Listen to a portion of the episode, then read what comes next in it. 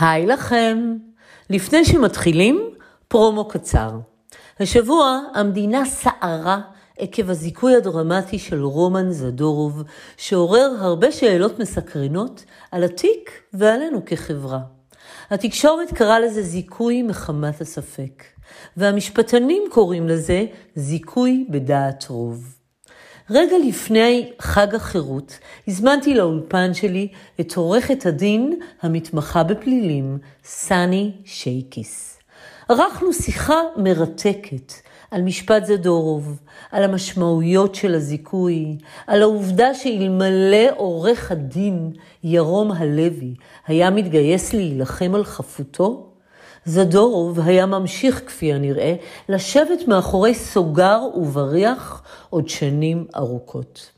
דיברנו על הקלות הבלתי נסבלת של ההרשעה, ועד כמה זה קל להרשיע אדם שנחשב מוחלש ללא עוגנים, ללא שפה וללא נראות חברתית ומעמדית. שוחחנו על מקומה של התקשורת בסיקור מערכת המשפט שלא פעם משקפת את המציאות בדרך שמסלילה ומשפיעה על דעת הקהל. לא תמיד לשביעות רצונם של הפרקליטים.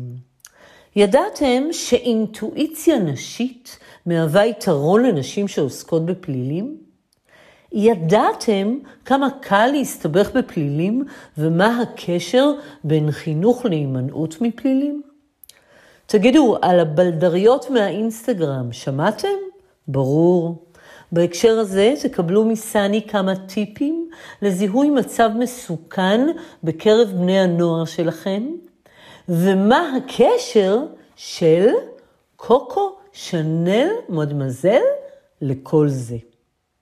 אספר לכם שכשפניתי לסני, היא מיד התגייסה, כי סני היא כזאת שתמיד נרתמת כשצריך אותה, ובכלל יש לה קול ייחודי להשמיע. אגלה לכם שבפועל היא נלחמה בשאריות של צינון שסדק מעט את קולה, ואני בחרתי לוותר על עריכה ולהשאיר לכם כמה אפצ'ים חבויים שלה, על מנת להותיר לכם חוויה אותנטית. אז אם הסתקרנתם, תישארו איתנו על מנת לצלול לשיח מרתק על צדק ועל מערכת המשפט והשפעותיה עלינו כחברה וגם על נשיות בעולם גברי. פתיח ומתחילים.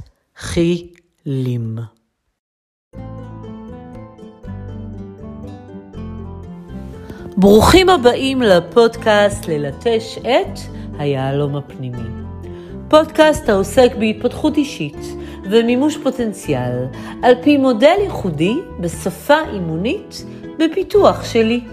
כאן ורד גרנדיר פרוכטמן ואני מזמינה אתכם למסע מרתק של ליטוש היכולות והמתנות שלכם על מנת שתהפכו לגרסה הכי שווה של עצמכם. למסע שלנו ארבע תחנות ליטוש. נראות ודימוי עצמי, קול ותקשורת, משאבים וכישרונות, ערכים וכבוד האדם. זכרו, על מנת לחוות מסע חיים מרתק ומספק, תזדקקו לפוטנציאל שלכם, ואותו נלמד ללטש ולדייק. מזמינה אתכם לצאת איתי למסע אישי, חברתי וקהילתי, שבו נפגוש אנשים מרתקים בדרך, על מנת ליצור לנו ולאחרים עולם ותפיסת עולם, בה יהיה לכולנו מקום ייחודי.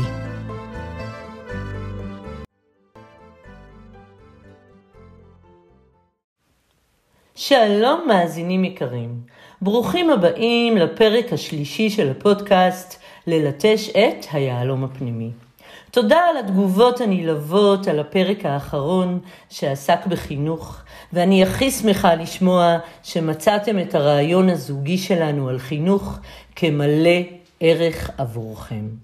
הנושא שלנו היום עוסק בהיבט חברתי רגיש שנקרא צדק. מציאת היהלום הפנימי הוא מודל שעוסק בזיהוי פוטנציאל. פוטנציאל שפוגש אותנו בהרבה מעגלי חיים. באישי, בזוגי, במשפחתי, בקהילתי, בחברתי, בלאומי ובגלובלי. היום נפגוש את ליטוש היהלום שלנו כחברה, כקהילה, כמדינה שלה חוקה ומערכת משפט. השבוע מסירה את המדינה פרשת רצח, שכפי הנראה עדיין לא פוענחה. פרשת הרצח של תאי ראדה שוב בכותרות. משפט זדורוב שוב מייצר כותרות דרמטיות. לאחר שלוש הרשעות, השבוע זה קרה. משפט חוזר בפעם הרביעית, והפעם זיכוי. זיכוי של אדם שישב בכלא 15 שנה, ובית המשפט פסק השבוע באומץ זיכוי. זיכוי מחמת הספק, אבל זיכוי ללא ספק. שלושה שופטים, שניים פוסקים זכאי. המשמעות היא שרומן זדורוב זוכה מהרשעתו ברצח של תאיר ראדה. כפי שכולנו יודעים, רצח תאיר ראדה זעזע מדינה שלמה לפני 16 שנה. רצח שהתרחש בבית ספר תיכון נופי גולן שבקצרין בשנת 2006. נערה בת 16 נמצאה ללא רוח חיים בשירותים. בהחלט תסריט אימה של כל הורה ששולח את ידו לבית הספר, למרחב מוגן, ולא מצפה שיום כזה יסתיים ברצח. זמן קצר לאחר מכן, המשטרה עשתה עבודה מצוינת ומצאה את הרוצח. לפחות כך האמנו. נעצר רומן זדורוף, אזרח אוקראיני שעבד כרצף בבית הספר והודה בפני מדובב משטרתי ברצח. בזמן החקירות טען כי המניע לרצח היה גידופים שהטיחה בו. המשפט הזה ידע הרבה תהפוכות דרמטיות ועניין ציבורי גדול. שלוש פעמים הוגש ערעור ורומן הורשע בכל פעם מחדש. השבוע כאמור הוא זוכה. זה לא סוד שהשאלות סביב המשפט הזה היו רבות. היו שני קולות בציבור. היה קול שהאמין בכך שהוא זדורוב הוא הרוצח, ומצד שני, ככל שחלפו השנים והגרסאות השונות של הרצח נאספו, היה ברור שיש ספק שהלך והתעצם, ועימו גל אוהדים גדול שהאמין בחפותו של זדורוב. אפילו אמה של תאיר, אילנה, אמרה תחילה במרומז ולאחרונה בקול שהיא בספק גדול שהוא האיש. מי מאיתנו לא מזדעזע מהרעיון שאדם נגזלת ממנו חירותו בגלל טעות, או אולי בגלל מניפולציה מכוונת? אדם יושב בכלא 15 שנה ולבסוף אומרים לו, אופס, טעינו? המחשבה על זה מעוררת זעזוע ללא ספק. הקלות הבלתי נסבלת של ההרשעה, זה השם, השם הכי מדויק שמצאתי לזה. הזיכוי הזה הוא זיכוי אמיץ ללא ספק, ורבים מאיתנו שכרסם בהם הספק חשים הקלה כאינדיבידואלים וכחברה.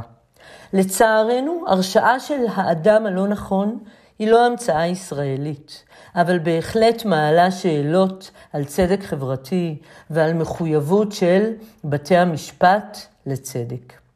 אחד הסרטים הבלתי נשכחים שנצרבו בזיכרוני היה הסרט בשם האב, בכיכובו של דניאל דיי לואיס הנפלא. אני בכלל הלכתי לקולנוע בגלל השחקן, ונחשפתי לסיפור מרתק על זיכוי לאחר שנים ארוכות מאחורי סוגר ובריח. הסרט מבוסס על סיפור אמיתי, סיפור אמיתי של צעיר אירי מבלפאסט בשם גרי קונלון, שנשלח לכלא עם אביו ועוד שלושה חברים ללא כל עוול בכפם, באשמת פעילות חבלנית במחתרת האירית. לא פחות ולא יותר. הסיפור כמובן מתרחש על רקע תקופה מתוחה סביב פעילות של המחתרת האירית. הם אמנם היו צעירים, הרפתקנים, דעתניים, אבל לא חברים במחתרת האירית ולבטח שלא טרוריסטים. הם ישבו בבר, בו אירע פיצוץ והיה מאוד קל להאשים אותם. הם היו צעירים, לא משכילים, נכחו בזמן הלא נכון, במקום הלא נכון, ואפשר לומר שתפרו להם תיק. כי המשטרה המקומית חיפשה לסגור את הפרשה כמה שיותר מהר. הם נזרקו לכלא לשנים ארוכות, וגם חלק מהמשפחות שלהם נקלעו יחד איתם. לאחר שנים של ישיבה בכלא, ולאחר שאבא של קונלון נפטר בכלא, הם זוכו. לאור ההתעקשות שלהם ושל פרקליטה אחת אמיצה, שחוש הצדק שלה לא אפשר לה לוותר על האמת. אז כן, חברים, יש בעולם סיפורים כאלה, וכנראה לא מעט. חלקם הגדול נשאר לרצות עונש מלא, ובמקרים נדירים בהם מישהו מקבל זיכוי, אז עושים מזה סרט או כותבים על זה ספר. יש שם מאפיינים מרכזיים ואנחנו ננסה לזהות אותם. ולכן הזמנתי היום אישה מאוד מיוחדת, עוצמתית ומקצועית, עורך דין סני שייקיס, עורך דין המתמחה בפלילים מזה 16 שנה. יחד נפתח אה, את הנושא המטלטל הזה. אז סני, ברוכה הבאה. תודה רבה, בוקר טוב. טוב, סני יקרה, אז קודם כל ספרי לנו אה, מי את, ספרי לנו היכן נולדת, איזה ילדה היית, איך וכיצד בחרת במקצוע המורכב הזה להיות פליליסטית, אה, ומה פתאום בחרת בזה. אז בואי, ספרי לנו קצת. טוב, שנים אחורה. אז קודם כל, אני עורכת דין כמעט 16 שנים. כל השנים האלה אני מתעסקת אך ורק בתחום הפלילי. אני נולדתי וגדלתי בעיר אשדוד. אמ, האמת, אני לא, תראי, היום בדיעבד אני מבינה למה בחרתי בתחום הזה. בזמנו זה היה משהו מאוד uh, אינטואיטיבי, כלומר, uh, לא, לא הייתה לי התלבטות. ידעתי שאני רוצה לעסוק במשפטים, וידעתי שזה יהיה בתחום הפלילי. פשוט ככה, היה לי מאוד uh, פשוט וקל ו- ו- וברור שזה, שלשם אני הולכת. Uh, היום בדיעבד אני מבינה למה. Uh, יש משהו uh, בתחום הזה של הפלילי, של דיני נפשות, שלצד זה שהוא יכול גם להיות מאוד מתסכל, הוא, הוא מאוד, איך אני אומר, הוא מאוד מעצים. יש בזה המון המון אחריות. מתעסקים כאן בחירות של אנשים, בגורל של אנשים. אה, וזו תחושת סיפוק אדירה אה, להבין שהנה עשית משהו טוב למען אדם קטן שעמד מול מערכת גדולה, אה, שנפגע, שרוצה צדק. כלומר, כל הדברים האלה הם באים לידי ביטוי בתחום הזה. וזהו, ובדיעבד אני מבינה שבחרתי כי, כי, כי, כי זה היה לי חשוב, לעשות משהו שהוא בעל משמעות עבורי. עבורי, עבור האחר כמובן, כן? וואו, נפלא, בסדר גמור. אז אה, סני, לפני שככה נדבר על משפט זדורוב, אני רוצה שהמאזינים יכירו אותך עוד קצת. אז אני אשאל אותך ככה שאלה, אה, שאלות מהירות, סדרה של שאלות מהירות, ואת אה, ככה תשתדלי לענות אינטואטיבי. שוקולד או פירות? פירות. אוקיי. בושם מתוק או חמוץ? בושם מתוק, אותו אחד כבר 20 שנה לא מחליפה. וואו, רגע, תגלי לנו איזה? קוקו שנל, קוקו שנל מדמוזל. וואו, כן, האמת שהוא בושם נהדר, וגם אני ככה, שאני לא כל כך מתמידה עם סמים, כל פעם אני חוזרת אליו כי הוא באמת ריח מופלא. טוב, לונדון או תאילנד? לונדון, כזאת אני. תני לי מלון, חמישה כוכבים עם חשמל, מים חמים, פינוקים, ספא, פחות uh, תאילנד. מעולה, מלמד עלייך הרבה. טוב, אה, להיות עורכת דין פליליסטית, זה מקצוע גברי או נשי? אה, אני חושבת שיש הרבה מאוד נשים בנוף הפלילי, ונשים מצוינות. אני חושבת שיש יתרון לנשים בתחום הזה. אם תרצי, אני ארחיב על זה יותר מאוחר. אבל אה, אני לא חושבת שאפשר לומר היום שפלילי זה מקצוע גברי, ממש לא. או, oh, וואו, זה משמח לשמוע את זה. תראי איך אנחנו כולנו אה, תקועים בדרך זו או אחרת בכל מיני מקובעויות מחשבתיות ומופתעים לגלות שהדברים אה, נראים אחרת עם הזמן. מעניין. טוב, אז אה, מה המאכל שתמיד תהיי שמחה לאכול?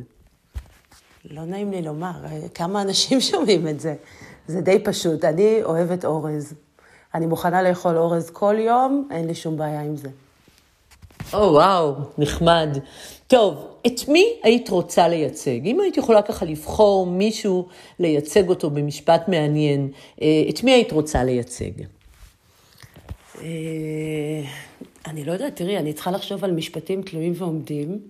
אני הייתי שמחה להיות אה, חלק מצוות ההגנה בתיק של זדורוב למשל, שאנחנו תכף נדבר עליו. זה תיק שברמה המשפטית הוא מאוד מעניין. לא עולה לי שום דבר כרגע, אם אני אחשוב על משהו, אני, אני אוסיף. זדורוב זה מצוין, זה מאוד רלוונטי בשבילנו.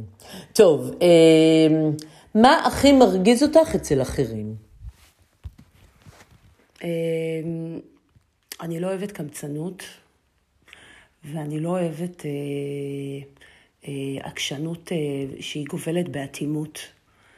אה, שכאילו את ה... את הקיבעונות, אני לא אוהבת קיבעונות, אנשים שמתקבעים ולא מוכנים ככה טיפה לצאת אה, מה, מה, מהמסגרת שלהם. אוקיי. אה, והשאלה הבאה, מה מרגש אותך אצל אחרים? וואו, כמעט כל דבר. כמעט כל דבר. אה, אנשים שהם כנים, אנשים שהם שמחים, אנשים שהם יצירתיים. אנשים שהם אה, פתוחים אה, לדבר ולומר את מה שהם מרגישים. אה, כמעט כל דבר מרגש אותי. אנשים, לקוחות שאני רואה ש, שעוברים שינוי ותהליך בעקבות ההליך הפלילי, אלה דברים שמאוד מרגשים אותי. מעניין. טוב, מה תרצי לעשות שתהיי גדולה? אפשר לשאול אותך שאלה כזאת? יש איזה חלום גדול? כן, בטח. יש לי, יש לי פלן בי. את יודעת עד איזה גיל אני אתרוצץ אה, בין בתי אה, מעצר. תמיד יש לי איזשהו חלום כזה, אה, כשאני, כשאני אהיה גדולה, לעבוד עם, עם נוער בסיכון. מאוד הייתי רוצה ככה לנהל איזושהי מסגרת לנוער בסיכון, נוער שוליים. זה כן, זה הפלן בי שלי, בעזרת השם, בפנסיה. או, oh, וואו, נשמע מעניין, למרות שאני גם חייבת להודות שזה באיזושהי דרך קשור, זה פשוט מדבר על מעטפת יותר גדולה של מה שאת עושה היום. וואו, מעניין. טוב, ושאלה אחרונה, אה, עם איזה דמות היית רוצה להיפגש לקפה? כל דמות שתרצי. הייתי שמחה להיפגש לקפה עם אלוהים. זאת האמת. אה, אני בן אדם אה, מאוד אה, מאמין. אני גם מאוד מאמינה בקשר בין, בין רוח לחומר ובין תודעה למציאות. והייתי רוצה לשבת עם אלוהים ולהגיד לו, למה אי אפשר שזה, שזה, שהכל היה יותר פשוט? לשמוע ממנו, כשהוא ברא אותנו ואת העולם הזה, כאילו למה, למה כל המחשבות האלה בראש? למה אי אפשר היה שזה פשוט יגיע אלינו ככה מוכן ופשוט? וואו, לגמרי מעניין. טוב, אז אני חושבת שכעת אנחנו נעבור לשיח על זיכוי מחמת הספק. אה, כפי שאת יודעת, מודל ארבעת הקודקודים בפיתוחי מפגיש אותנו עם ארבעה היבטים שונים של מימוש פוטנציאל, והפעם אנחנו ניגע בו בהיבט החברתי. אז הפוטנציאל שלנו כחברה ערכית וחברת חוק, ארבעת הקודקודים הם בעצם התחנות במסע הליטוש החברתי והקהילתי. קודקוד הנראות והדימוי העצמי זאת נקודת מבט אחת, אה, קודקוד הקול והתקשורת זאת עוד נקודת מבט, קודקוד המשאבים והכישרונות זאת עוד נקודת מבט, וקודקוד הערכים האישיים. אז בואי אה, נתחיל קודם כל עם שאלה שמתייחסת לקודקוד הנראות והדימוי העצמי. זדורוב, ללא ספק מבחינת נראות ודימוי עצמי, שייך לחתך חברתי אה, מוחלש. הוא היה עובד זר, ללא אזרחות, ללא השכלה וללא מעמד. היה נראה שמאוד קל להפליל אותו. מה דעתך? האם באמת ניתן לומר שבמקרים אחרים של הרשעות שהסתיימו בזיכוי, אה, קל לתפור תיק לזה שאין לו נראות חברתית? תראי, כמה דברים. קודם כל, אה, זדורוב בפעם הזאת, אני רוצה רגע ככה לדייק, הוא זוכה, ולא מחמת הספק, הוא זוכה בדעת רוב, זיכוי מלא על ידי שני שופטים שזיכו אותו, אוקיי? זה בעניין הזה. עכשיו, קודם כל, הזירה היא זירה משפטית. אני, זה חשוב לי להגיד, משום שאת התחלת ואמרת באמת שהתיק הזה הוא תיק שדובר המון על ידי הציבור, והתקשורת מאוד התעניינה בו. וזה משהו שזלג מחוץ לכותלי בית המשפט באמת בצורה קיצונית. סופו של דבר, ההכרעה בבית המשפט הייתה הכרעה משפטית. כלומר, גם המשפט החוזר, הוא היה על בסיס ראיות חדשות שהוצגו, שלא היו קיימות קודם לכן. ראיות שהיה צריך לדון בהן. זאת אומרת שצריך לזכור, וזה משהו שמאוד מאפיין את עם ישראל, לנו יש את היכולת הזאת לשבת על הספה בסלון, לראות דיווח, ואנחנו כבר יודעים מה ההתחלה, מה האמצע ומה הסוף, ומה אנחנו היינו עושים. לא תמיד גם בתקשורת הדברים עוברים כפי שהם. ויש אגב התייחסות לזה בהכרעת הדין אה, אה, במשפט האחרון עכשיו, אה, כשבית המשפט אומר שהרבה מאוד פעמים יצאו דברים לתקשורת שהם לא מדויקים, לא נכונים, ושוב עוררו עוד פעם סערה ציבורית, ולכל אחד יש מה לומר, וכל אחד נהיה פרשן. זה בעניין הזה. לגבי הודעות אה, שווא, אוקיי? ותיקים שמסתיימים בזיכוי. תיקים שמסתיימים בזיכוי, קודם כל, הם, הם מעטים מאוד במדינת ישראל. הסטטיסטיקה מראה שמ-100% תיקים שמוגשים לבית המשפט, אנחנו עומדים על 96% הרשעה. רוצה לומר, רק 4% מהתיקים שמוגשים לבית המשפט מסתיימים בזיכוי.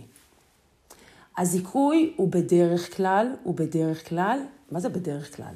הוא זיכוי משפטי. זאת אומרת, בית המשפט בוחן את הראיות ואומר, אוקיי, המדינה, הפרקליטות, לא הצליחה לשכנע אותי מעבר לספק סביר, שהנאשם או הנאשמת שבפניי ביצע או ביצעה את העבירה שמיוחסת לה, אוקיי? הודעות שווא זה תורה שלמה. בגדול, בגדול, יש כמה אפיונים של אנשים שנוטים יותר, שההסתברות שהם ימסרו הודעת שווא היא גדולה יותר, אוקיי? הנתונים האלה הם נתונים שקשורים לאישיות, לאישיות, למנת משכל, לבריאות נפשית.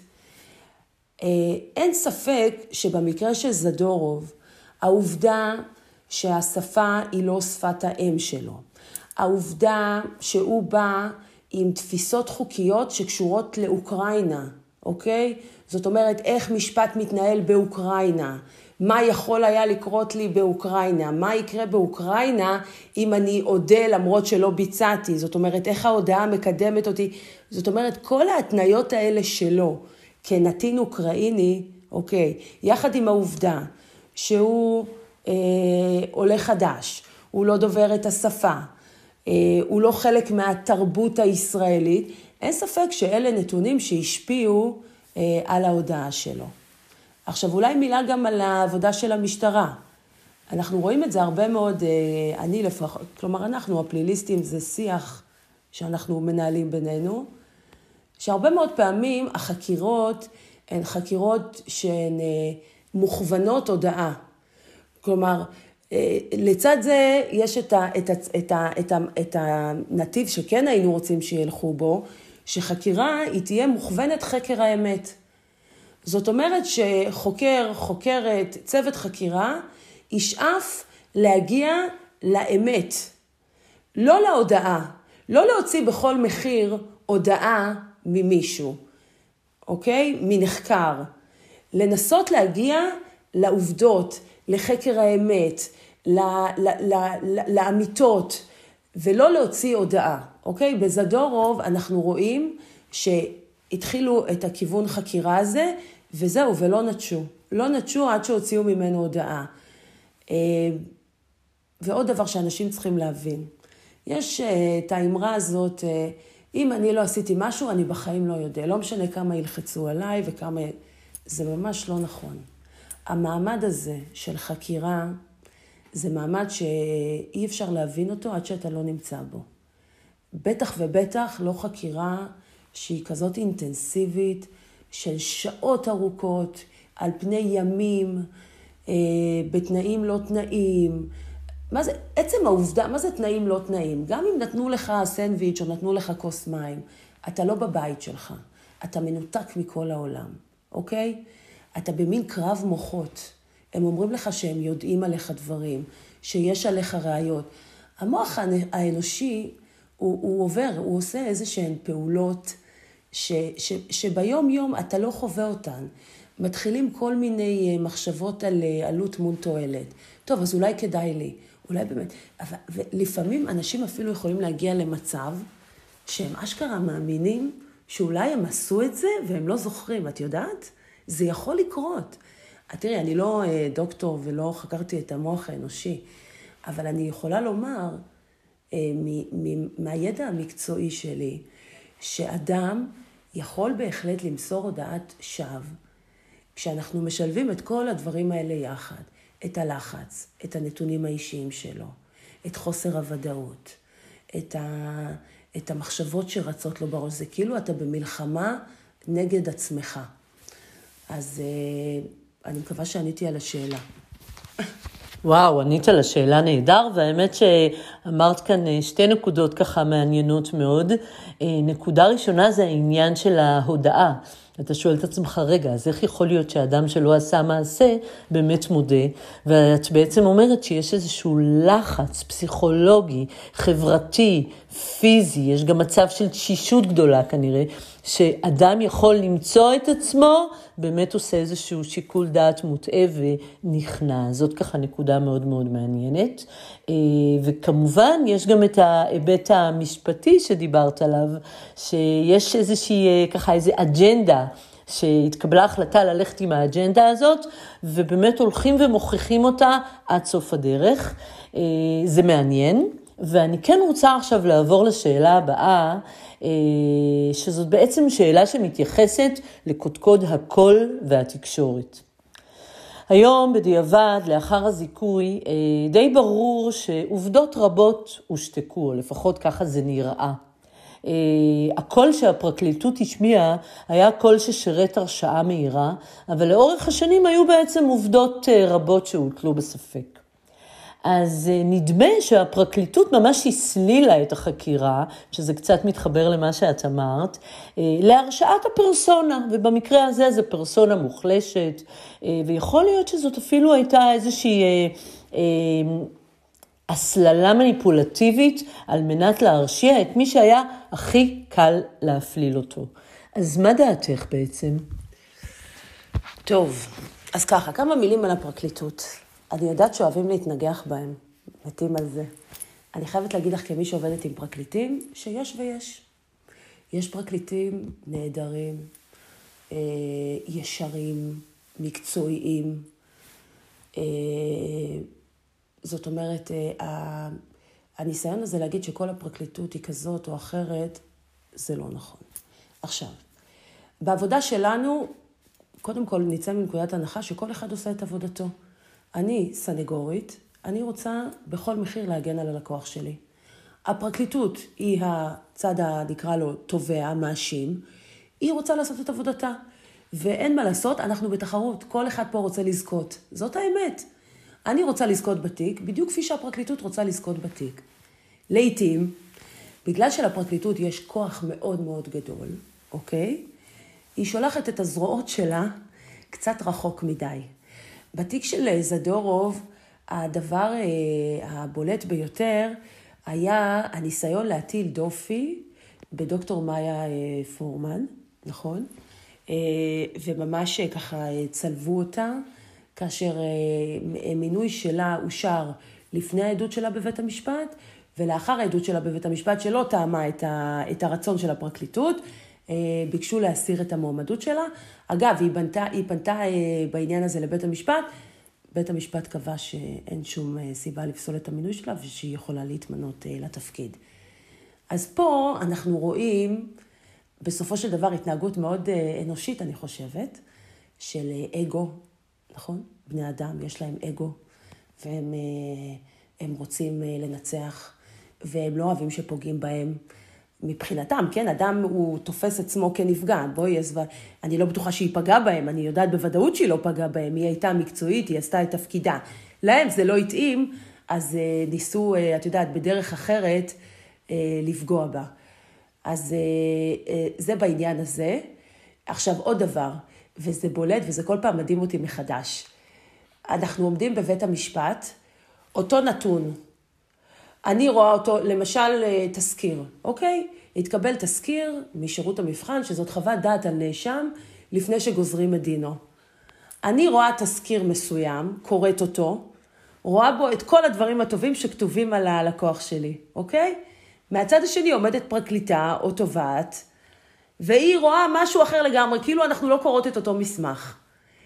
ללמדך שסופו של דבר מי שמתעסק בדברים האלה זה בני אדם.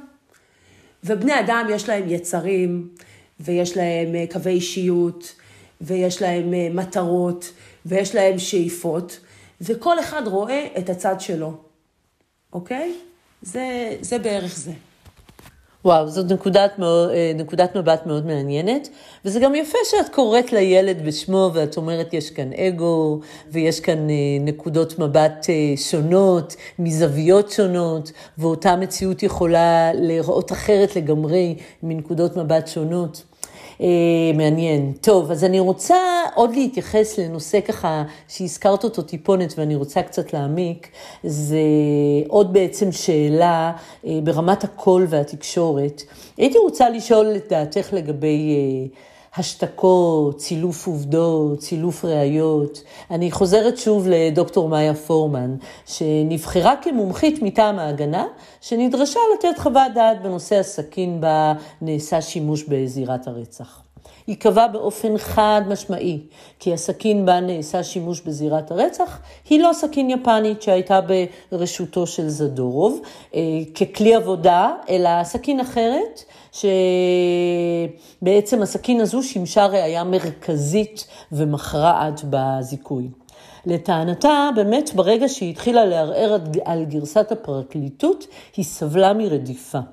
אה, ואפילו לא שובצה לתפקיד שהיא, אה, מה שנקרא, אה, התקבלה וזכתה בו במכרז. אז אני חייבת לומר שעם הזיכוי היא הסכימה להתראיין למהדורת החדשות והצהירה, הייתי רדופה במשך שנים וכעת הצדק יצא לאור. אז נכון, אני מבינה שיש כאן אגו, אבל האם לדעתך אגו זאת סיבה לשיבוש ראיות? אז אני רוצה לשאול אותך, מה את באמת חושבת על זה? האם הפרקליטות משבשת ראיות? האם אגו זו הסיבה היחידה? וואו, אה, תראי, אני לא חושבת, קודם כל, בעניין של אה, דוקטור מאיה פורמן. דוקטור מאיה פורמן הגישה חוות דעת, אוקיי? בחוות הדעת הזאת היא אמרה שהסכין ששימשה לרצח היא ככל הנראה סכין, מה זה ככל הנראה? היא סכין בעלת להב משונן, ולכן משונן עם שיניים, ולכן לא יכול להיות שהרצח אה, בוצע עם סכין יפנית, כפי שרומן זדורוב אה, הודה. הרעיון הוא שהפרקליטות לא קיבלה את חוות הדעת הזו, ויש חוות דעת נוספת בתיק, שהיא של דוקטור זייצב, אוקיי? וקראתי עכשיו בהכרעת הדין, שמה שקרה זה שהמתמחה של דוקטור זייצב בזמנו גם העיד בתיק, והוא אמר אה, שכשדוקטור זייצב ראה את התמונה, אז הוא אמר, וואי, נכון, איך לא ראיתי את זה? זה באמת להב אה, של סכין אה, משוננת. אבל בכל זאת, הגיש את חוות הדעת שלו כפי שהגיש אותה. ואז כותב, אגב אגו, דיברנו על אגו, כותב השופט בהכרעת הדין, שבמהלך שמיעת העדויות בתיק הזה מפי המומחים אה, מהמכון לרפואה משפטית דאז, הוא הבין כמה גם ביניהם יש מחנאות ואגו, אוקיי? ואיך אחד סותר את השני, ואיך אחד, זה לוקח את הצד שאומר זאת להב, זאת סכין משוננת, וזה לוקח את הצד האחר. אה, תראי, אני רוצה להאמין שאין דבר כזה סילוף ראיות. אבל אני כן יודעת לומר שבהרבה מאוד אה, מקרים, למשל אה, חומרי חקירה, שאנחנו צריכים להתעקש עליהם.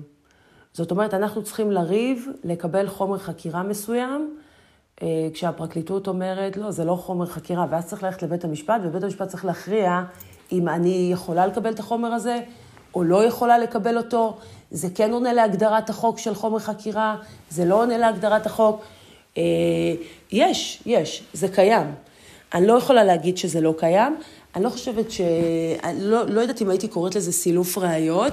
סילוף ראיות זה מצב שבו, דרך אגב, אה, גם דוקטור אה, פורמן דיברה על זה, שביקשו ממנה לשפץ אולי חוות דעת, לעגל פינות. אלה דברים שהיא אמרה מפיה וקורים.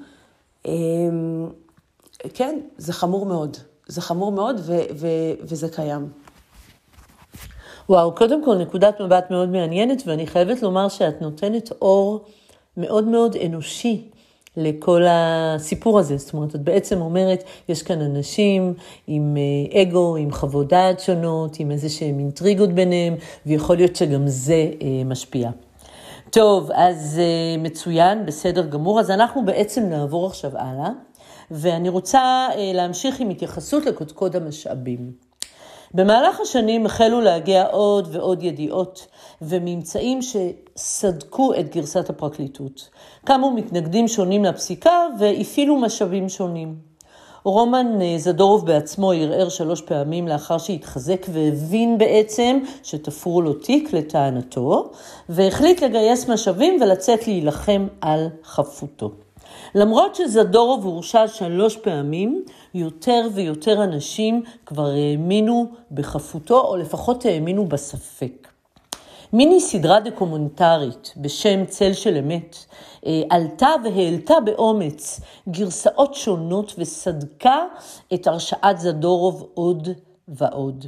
ובעיקר כיוונה אצבע מאשימה אל עבר בני נוער שסחרו בסמים בבית הספר ואפילו נעצרו זמן קצר לפני הרצח ושוחררו. הסדרה בת ארבעה פרקים שודרה בהוט, אה, בבימוי יותם אה, גלדלמן וארי פינס, עלתה ב-6 בדצמבר 2006, ויצרה טלטלה גדולה, ובעקבות הסדרה באמת הוקמה קבוצת פייסבוק גדולה של אנשים שהצטרפו לקבוצה ופשוט קראו לשחרורו של זדורוב. מה הסיבות, לדעתך, שמשאבים רבים הוזרמו על מנת לערער על פסיקת הפרקליטות? ומה דעתך האישית על הסדרה, על ההתגייסות הציבורית, על כל ההתעניינות הציבורית הגדולה וגם הרצון להשמיע קול. אה, אני חייבת לומר שאני לא כל כך אוהבת את זה. אני לא אוהבת אה, לראות משפטנים מתעסקים בנושא שהוא לא משפטי. אני אומרת לך, בסוף, בסוף, בסוף, מי שהביא לזיכוי של, אה, זאת אומרת, מי שפעל ומי שדחף וייצג בתיק הזה, זה עורך דין ירום הלוי.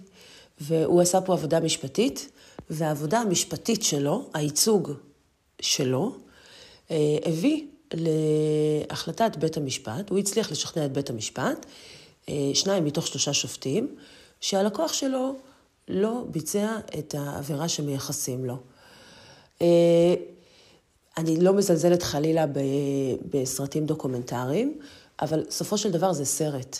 זה לא מסמך משפטי, זה סרט ערוך, אוקיי?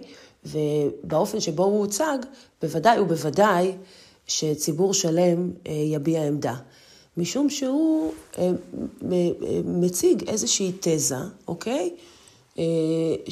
ותומך בה. כלומר, אם, אם הוא היה מציג, תארי לך שהיה בא אחר, והיה מייצר סרט דוקומנטרי, ומראה רק את הנקודות שבהן, לפי דעתו, אה, זדורוב אה, כן, אה, כן, זאת אומרת, כן קיימות ראיות, כן הוכח שהוא ביצע את המעשים.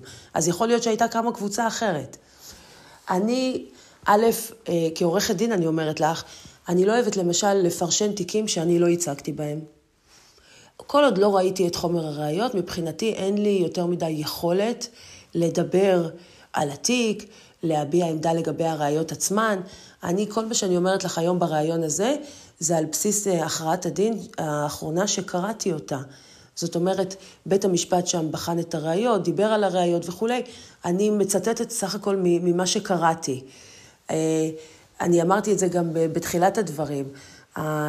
הקטע הזה שלציבור שהוא לא משפטן, יש מה להגיד על תיקים, זה משהו שאני פחות מתחברת אליו.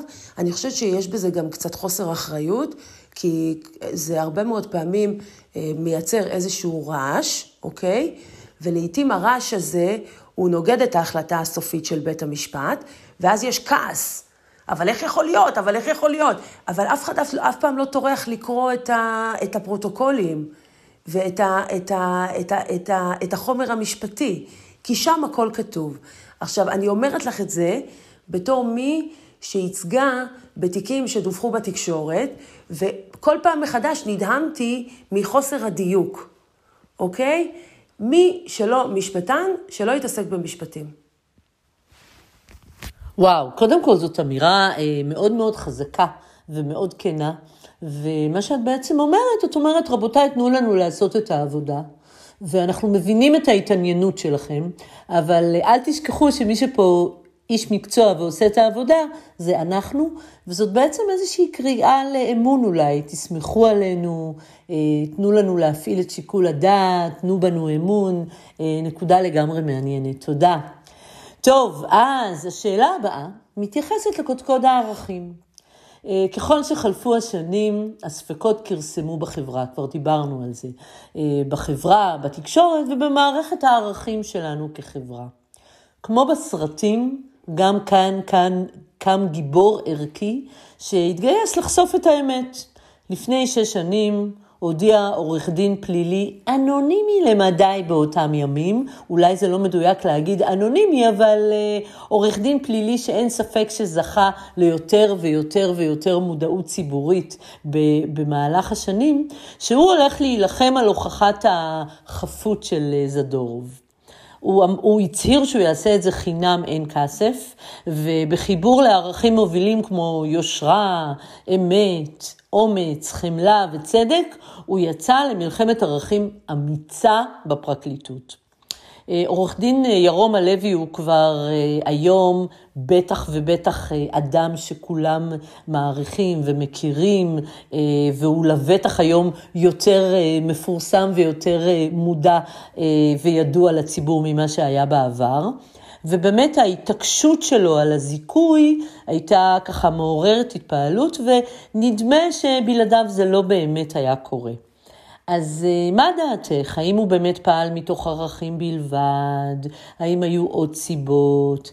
ומה בעצם הולך לקרות עכשיו, אחרי הזיכוי? האם זה סוף פסוק לדעתך? טוב, קודם כל כמה מילים על עורך דין ירום הלוי. ירום הלוי הוא, הוא, הוא, לא, הוא לא דין אנונימי, הוא עורך דין מפואר, ויש לו הרבה מאוד זיכויים אה, מפוארים, לא פחות מהזיכוי של זדורוב בעברו. אה, הוא מקצוען, הוא משפטן על, והוא מאוד מאוד מיוחד. אני חושבת שאפשר לראות את זה בראיונות שלו. יש בו אה, משהו מאוד אה, מיוחד כזה, לא שגרתי, קצת נון קונפורמיסט כזה. ואני חושבת שלשאלתך, עבודה כזאת מסיבית, סזיפית, במשך כל כך הרבה שנים, אתה, אי אפשר לעשות אם אין לך תשוקה אדירה למה שאתה עושה. ואני חושבת שהוא באמת עשה כאן עבודה אדירה, ואני רוצה לומר לה שזה לא פשוט. כל הגלגולים האלה שהתיק עבר. כלומר, אה, לחטוף מכה ולהתרומם שוב. וזורקים אותך מה, אה, מהדלת, אתה נכנס מהחלון. וזה כל פעם, זה גם המון uh, תעצומות להרים את עצמך כ- כסניגור, כמי שסוחב את כל הדבר הזה על הכתפיים שלו בכל פעם מחדש.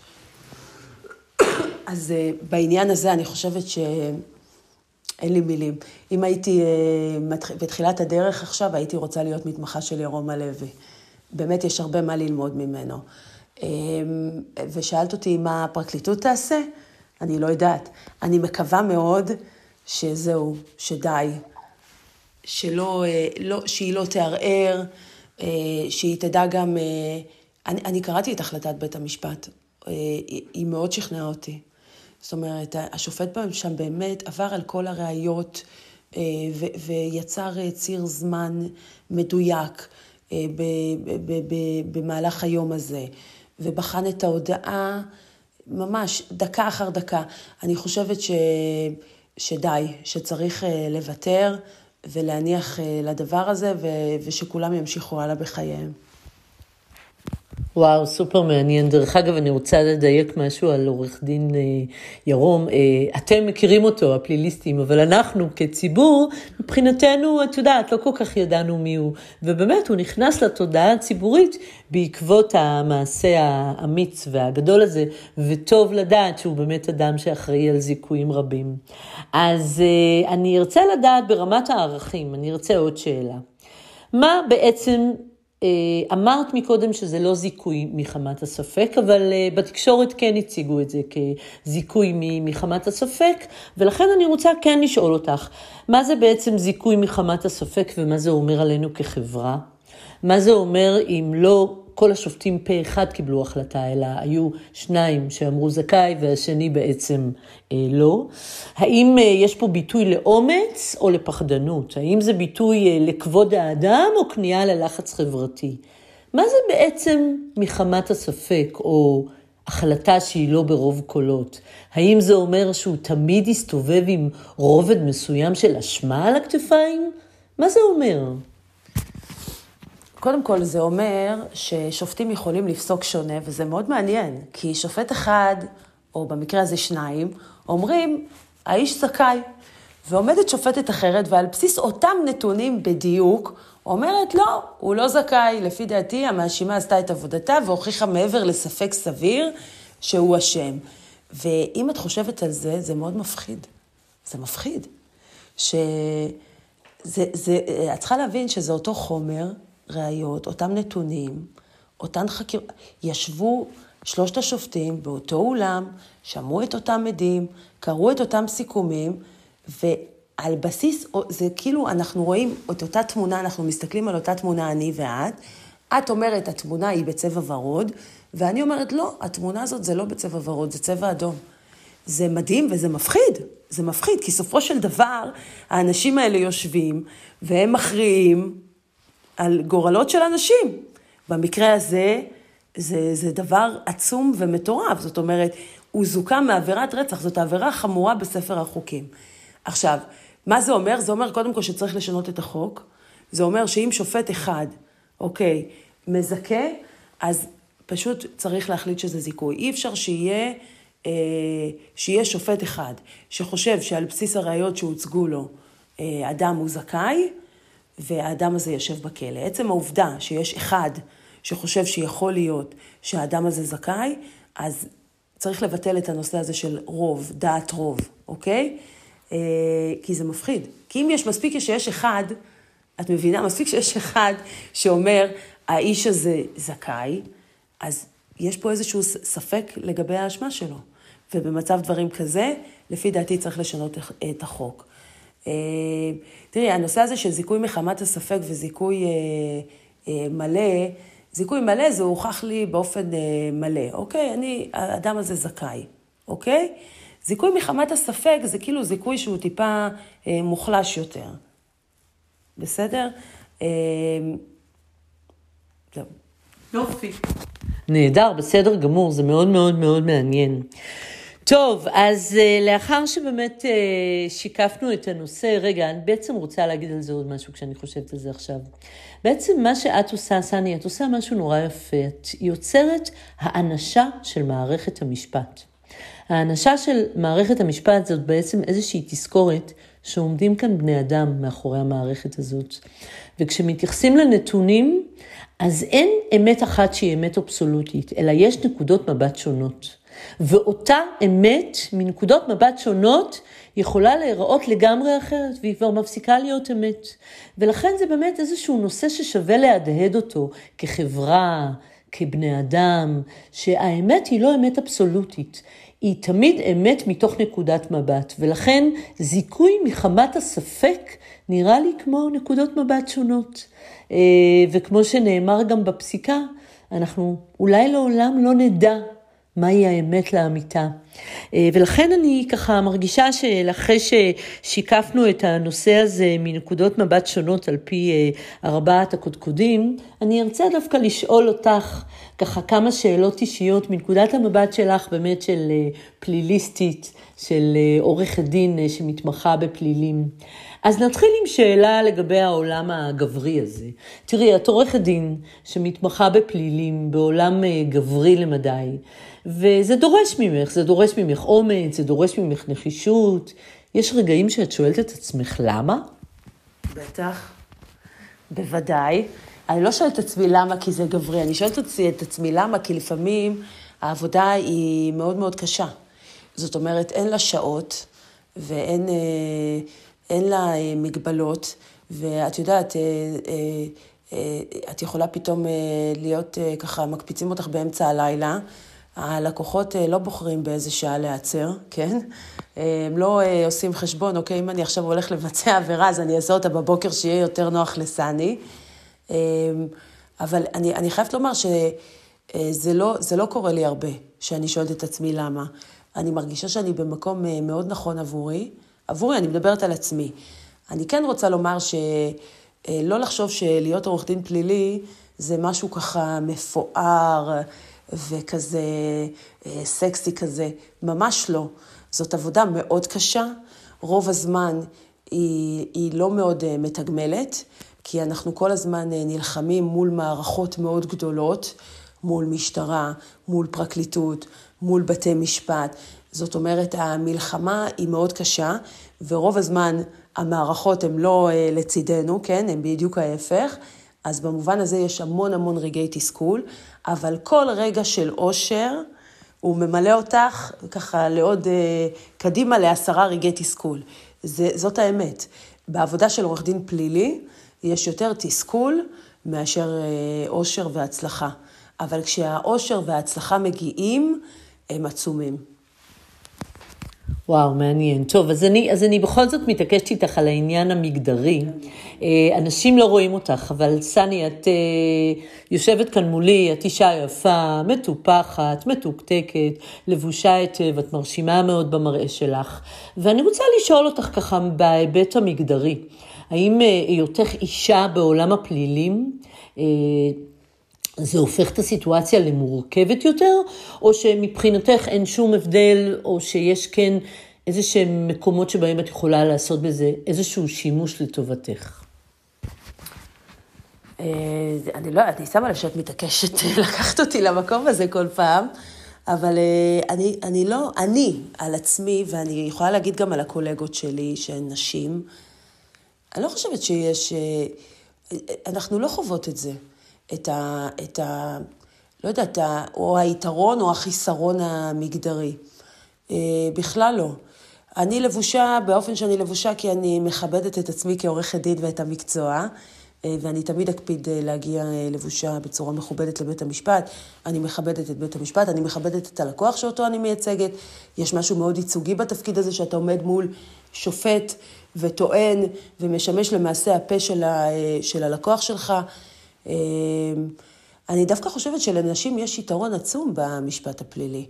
אני חושבת שהאינטואיציה שלנו והרגישות הזאת והיכולת להבין אה, רגשות ולהבין נפש, ייתכן גם שיש אה, גברים שיש להם את זה, אבל אצלנו זה כאילו קצת יותר אה, נפוץ לפי דעתי, כן, יסלחו לי הגברים. אני חושבת שדווקא המקום הזה, הוא, יש לו תרומה ענקית לתחום העבודה שלנו. אמ, תראי, קחי לדוגמה אדם שהסתבך בעבירה בפעם הראשונה, אוקיי? כרגע זה לא משנה אם הוא בחור צעיר, אם הוא נשוי, אם יש לו ילדים, אין לו ילדים. בכל נקודה בחיים שתתפסי אותו, יש סביבו איזושהי מערכת משפחתית, חברתית, שבנוסף לא מאוד מוטרדת מכל הסיטואציה, אוקיי? היכולת הזאת שלנו כנשים לאגד את כל, ה, את כל הרגש הזה ש, ש, שצף ומציף את כולם בהליך הפלילי, ולהרגיע את הרוחות, ולנהל את המערכה הזאת, אני חושבת שזו אה, תכונה, אה, היא לפעמים אפילו קצת אמהית, נכון? יש בה משהו אפילו טיפה אמהי. אה, ללוות אדם שכרגע מתמודד מול מערכות כאלה גדולות, ועלול לשלם מחירים מאוד כבדים על אירוע שהוא ספק הבין מה הוא עושה כשעשה אותו, ספק לא הבין. אני חושבת שאנחנו כ, כנשים, כלביאות, כמובילות, כאימהות, אה, דווקא אה, יש לנו יתרון אה, במקום הזה. וואו, זאת נקודה שמאוד מעניין אותי לשמוע, ובאמת ההיבט המגדרי כאן הוא באמת בהיבט של אינטואיציה, של להשתמש בחושים אחדים, של לתת אפילו איזושהי נוכחות אמהית, ושל להפעיל את החושים ולתת לאינטואיציה להיות מצפן בסיפור הזה. זאת בהחלט נקודת מבט מעניינת ובעיניי גם מאוד מאוד חשובה. טוב, נמשיך לשאלה הבאה. אז uh, למרות uh, שלהיות מאחורי uh, סוגר ובריח נתפס תמיד כקשור לעבריינות ולעולמות של פשע, יש לבטח סיפורים רבים על אנשים שמצאו את עצמם מעורבים בפשע או באיזושהי עבירה משמעותית על החוק מבלי שהתכוונו בכלל. ספרי אולי על איזשהו מקרה שהיית מעורבת בו כעורכת דין, על מישהו שפשוט נקלע למה שנקרא פלונטר עם החוק? וואו, אני מייצגת הרבה מאוד אנשים. למעשה, החלק הארי של אה, לקוחות המשרד אצלי זה אנשים שהם פעם ראשונה מעורבים אה, באירוע פלילי, חשודים באירוע פלילי, נאשמים באירוע פלילי, אה, ויש הרבה כאלה. יש איזושהי סברה מוטעית שהעולם הפלילי שייך למה שקרוי משפחות פשע, ארגוני פשיעה וכולי. זה ממש לא נכון. אני, אני רוצה לומר לך כך, אירועים פליליים של אנשים, אה, מה שנקרא כמוני כמוך, אנשים נורמטיביים, הסתבכויות עם החוק, הם אה, בדרך כלל אפשר לראות שזה מה שנקרא יושב על משהו. אה, זה יכול להיות למשל אגב הליך גירושין. זה יכול להיות מצב שבו אדם נקלע לחובות והוא עושה מעשה פלילי כדי להסתיר את זה שהוא נקלע לחובות. כדי לשפר את מצבו הכלכלי מבלי שידעו, מבלי שהמשפחה תדע. אמ, אה, אולי אה, פשיעה נגיד בקרב בני נוער, אז זה קשור הרבה ללחץ חברתי אה, ולסביבה ולמערכות יחסים כאלה ואחרות עם ההורים, כן מסתירים, לא מסתירים, כן מספרים, לא מספרים. יש המון המון אירועים, ויש אירועים קשים, יש סודות כמוסים שאנשים מחזיקים אצלהם בבטן, אה, ופתאום אה, מתגלים, ואני יכולה להגיד לך שזה הרבה מאוד פעמים אה, ממוטט משפחות, ממוטט משפחות שפתאום הסוד הגדול הזה, שהוא בעצם עבירה פלילית, יוצא לאור, ואנשים מגלים ששנים אחורה, אנשים, זאת אומרת, מתנהגים באופן מסוים ובכלל לא היה להם מושג, וזה בן אדם קרוב אלייך, אז זה, זה לא סתם נקרא דיני נפשות. זה דיני נפשות הרבה לפני שזה מגיע לבית המשפט, ויש לזה השפעה אדירה לא רק על האדם עצמו, אלא גם על הסביבה שלו, אוקיי? נער עכשיו שהוא עצור, ההורים שלו לא ישנים בלילה. הם לא ישנים בלילה. זאת אומרת, לנער או לנערה מאוד מאוד קשה בבית סוהר, כן? אבל להורים שלו, לאחים שלו, למשפחה הגרעינית שלו, לאימא שלו, מאוד מאוד קשה. אה, זהו, זה, אני מקווה שעניתי על השאלה. וואו, ענית, וגם ענית בצורה מאוד מעניינת. אה, אם כבר דיברת על, אה, על בני נוער, לאחרונה שמענו על נערות צעירות שהפכו להיות בלדריות סמים. את יודעת, יש משהו מפתה שם, כסף קל, בקלות, והם בעצם הסתבכו, הסתבכו כהוגן עם החוק. איזה עצה תוכלי לתת אה, לנוער בכדי להימנע מהסתבכות אה, בפלילים, ואולי גם איזה טיפ להורים עצמם כשזה קורה? תראי, אני, אני קודם כל אדבר אה, בכובעי כאימא, אוקיי? אני, אנחנו יכולים לעשות כהורים את הכי טוב שלנו, אוקיי? אנחנו יכולים אה, להשקיע בחינוך, ו... אה, ולהשקיע בטיפול, אם ילד צריך טיפול מסוים. אם אנחנו רואים שילד צריך, את יודעת, במקום מסוים ככה קצת fine tuning ועזרה, אז זה התפקיד שלנו ההורים. החינוך הוא שלנו, הוא לא של בית הספר.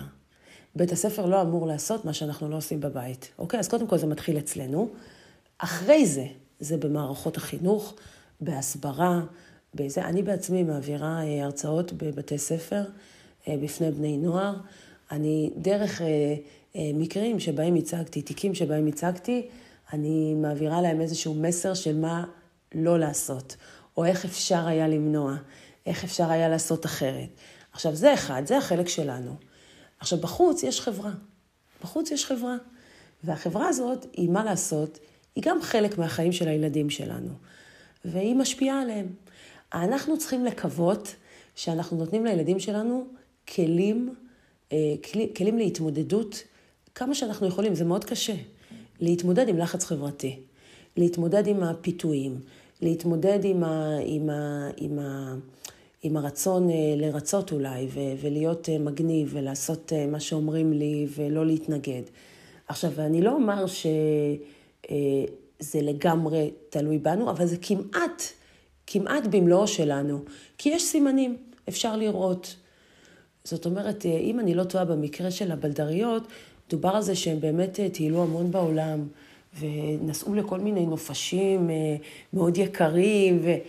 אז, אז אני לא יודעת, כאילו, זה לא אה, מעורר תמיהה מאיפה הכסף לעשות את כל הטיולים האלה, לממן אותם. את, את, את מבינה, זה דברים שצריכים להדליק נורות אדומות. העצה הכי טובה שאני יכולה לתת להורים זה להיות ערניים. כי ה, ה, ה, הילד לא הולך ומבצע עבירה פתאום out of the blue.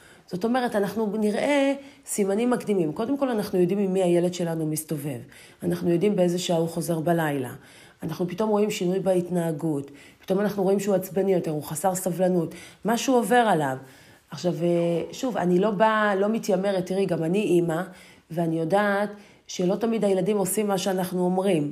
אבל חשוב מגיל צעיר, אני חושבת שאחד הדברים החשובים ביותר זה סמכות הורית. כי הרי כל עוד הם קטנים, זה בסדר, אוקיי? אבל אנחנו רואים את זה, זה מתחיל איפשהו באזור הגילאים, ככה 15-16. ושם, לפי דעתי, קצת מתחיל להיבחן, אוקיי? מתחילה להיבחן הסמכות ההורית, ההורית שלנו. אם ביססנו אותה נכון כשהם היו קטנים, אז הם יקשיבו לנו. הם יקשיבו לנו גם בגיל 15 ו-16 ו-17 ו-18.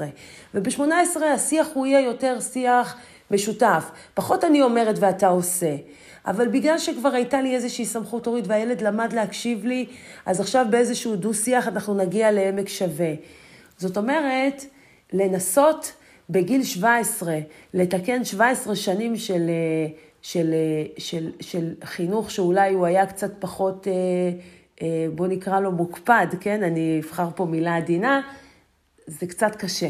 זה מתחיל בגילאים מאוד צעירים. אה, וכן, זה, זה שלנו, זה הרוב שלנו.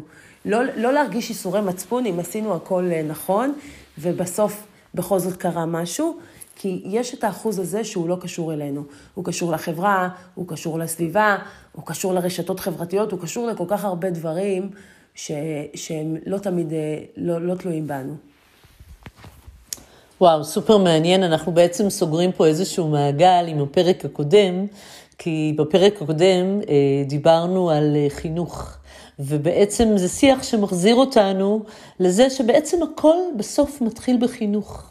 וחינוך, גם אם אנחנו לא רואים אה, תוצאות מיידיות, אז במהלך השנים אפשר לראות את התוצרים של החינוך. ואת אומרת, הורים, תהיו ערניים, תשקיעו בחינוך, תראו את הילדים שלכם, תשימו לב להתנהגויות.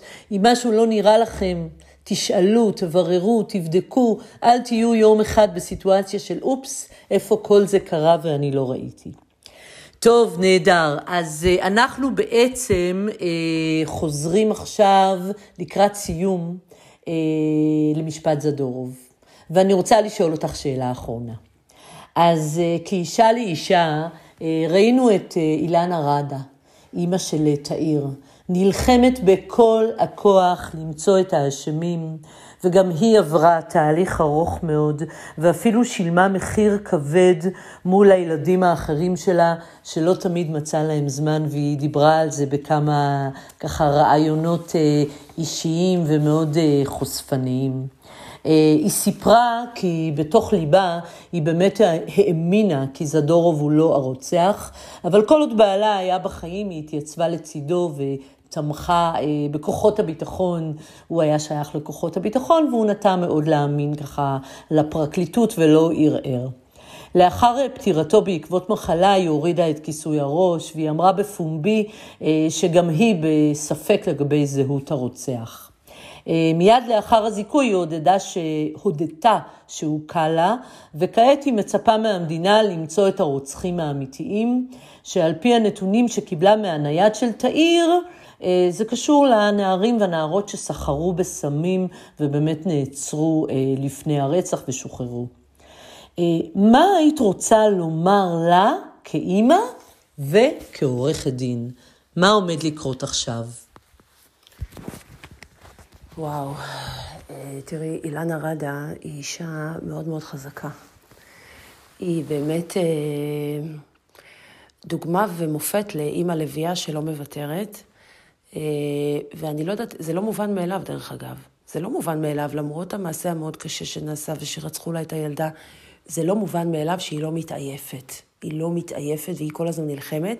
ואגב, אני חושבת שיש לה חלק מאוד מאוד גדול. אה, בזה שבאמת אה, העניין של זדורוב הובא שוב ושוב אה, בפני בית המשפט. היא כל הזמן דחפה ושאלה שאלות ולא ויתרה. צר לי, צר לי בשבילה, ש... שכפי שכתב בית המשפט בסיום הכרעת הדין, תם ולא נשלם. כי תם במובן זה שעכשיו זדורוב זוכה. לדעת רוב, אבל זוכה. אבל לא נשלם, כי היא לא באמת יודעת מי עשה את מה שעשה לבת שלה. אמ, ומה אני אומר לך, אני כאימא, אה, את יודעת, נחמר הלב רק מהמחשבה של כל פעם לשחזר מה קרה לילדה שלך וכמה היא סבלה ושלא היית שם לידה כדי לעזור, זה דבר נורא. זה, זה, זה פשוט עונש, עונש, לחוות את זה כל פעם מחדש. אה, ואני רוצה לומר לה שכל עוד היא מרגישה שהיא יכולה ויש לה כוחות, שתמשיך להילחם, שתמשיך, שלא תוותר. וואו, תודה רבה. טוב, סני, אז באמת רגע לפני סיום, הימים הם אה, ימים שלפני חג החירות, ולכן השיח הזה על אה, חופש האדם הוא הכי הכי מתבקש שיש. אז קודם כל אנחנו נשאיר כאן אה, את פרטי הקשר שלך וכמובן, אם אה, מישהו מהמאזינים אה, ירצה אי פעם, אה, אנחנו נקווה שאף אחד לא עומד להסתבך בפלילים, אבל אם כן, אז עדיף שיהיה להם אותך. אז אני רוצה להגיד לך תודה רבה על שיחה מרתקת. ואני רוצה אה, באמת לומר לכל המאזינים, שיהיה לכולנו חג שמח. וזה באמת ככה זמן להדהד כחברה, אה, ולא רק כאינדיבידואלים, את כל שאלת החופש והחירות. אז אה, באמת אני רוצה לומר לך, סני, תודה רבה רבה רבה. האם את רוצה להגיד עוד משהו לסיום? קודם כל, תודה רבה שהזמנת אותי, היה אה, ממש אה, כיף, נהניתי מאוד, נהניתי לשוחח איתך, שאלות מעניינות, וזהו, ושנהיה תמיד אה, שמחים וחופשיים. שמחים וחופשיים זאת בהחלט סיומת יפה. תודה רבה. הפרק שלנו הסתיים. רוצה להאמין שאם נשארתם עד סופו, כנראה שקיבלתם ממנו ערך. מוזמנים להעביר הלאה. לעניין את מי שיכול להרוויח מהידע, מהשפה ומהכלים. מוזמנים לכתוב לי, לשאול, להגיב, להציע, ובכלל, להשמיע את קולכם. מצורפים כאן לינקים לכל הדרכים שבהם תוכלו ליצור קשר. נשתמע בפרק הבא, ואל תשכחו, החיים כבר התחילו.